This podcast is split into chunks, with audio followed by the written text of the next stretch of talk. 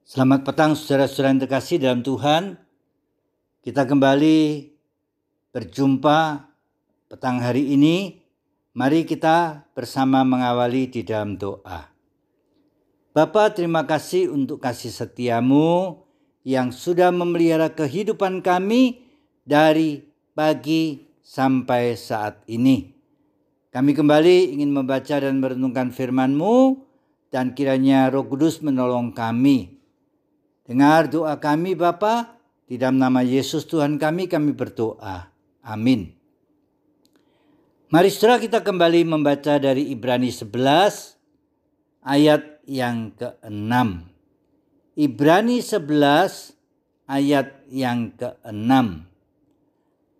Tetapi tanpa iman tidak mungkin orang berkenan kepada Allah Sebab barang siapa berpaling kepada Allah, ia harus percaya bahwa Allah ada dan bahwa Allah memberi upah kepada orang yang sungguh-sungguh mencari Dia.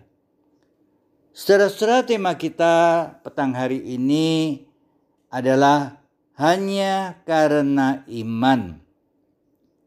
Kembali berbicara soal iman, sungguh sesuatu hal yang tidak mudah. Banyak pandangan, serta banyak pula perbedaan yang mungkin masing-masing menganggap pandangannya yang paling benar. Oleh sebab itu, iman merupakan hal yang amat penting, karena yang pertama Iman adalah syarat seseorang berkenan kepada Allah. Penulis surat Ibrani berbicara, tanpa iman tidak mungkin orang berkenan kepada Allah. Ungkapan ini ingin menegaskan bahwa bukan karena perbuatan seseorang atau kebaikannya sehingga Allah berkenan kepadanya, melainkan hanya karena iman. Penulis surat Ibrani bukan bermaksud mengabaikan perbuatan baik. Sebaliknya, perbuatan baik itu penting jika hal itu merupakan buah dari imannya kepada Allah. Hal yang kedua, iman itu berpaut pada Allah. Penulis surat Ibrani kembali menegaskan bahwa seorang berpaling pada Allah, ia harus percaya bahwa Allah ada. Hal ini merupakan keutuhan pandangan dan selaras antara tindakan dan pikiran dari orang yang beriman tersebut.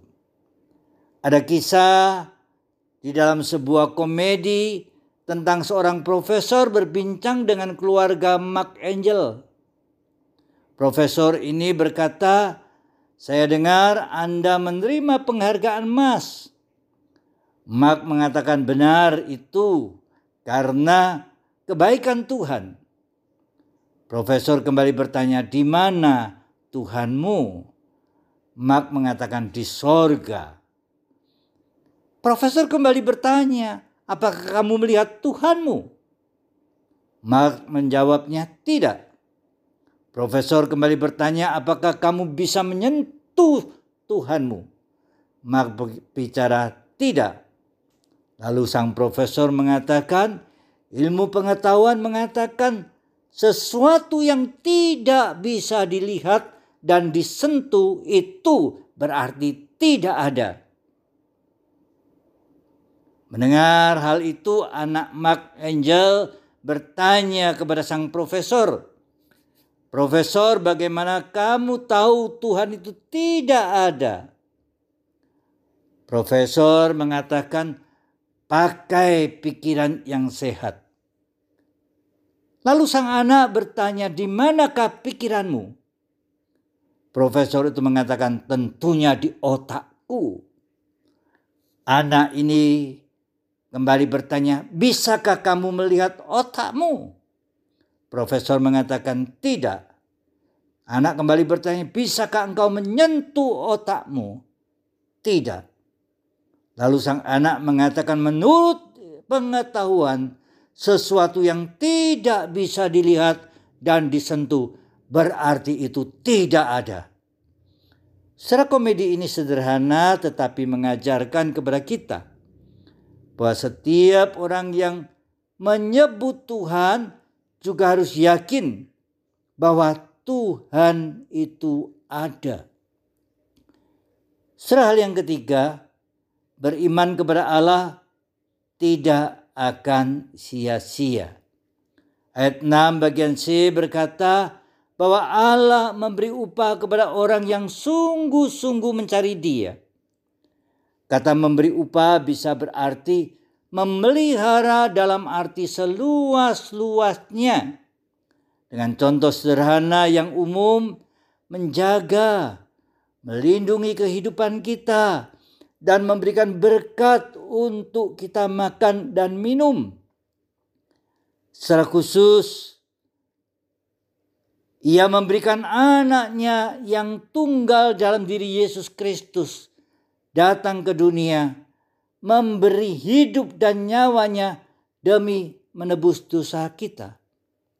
Saudara-saudara yang terkasih, mari kita menjaga dan merawat iman kita.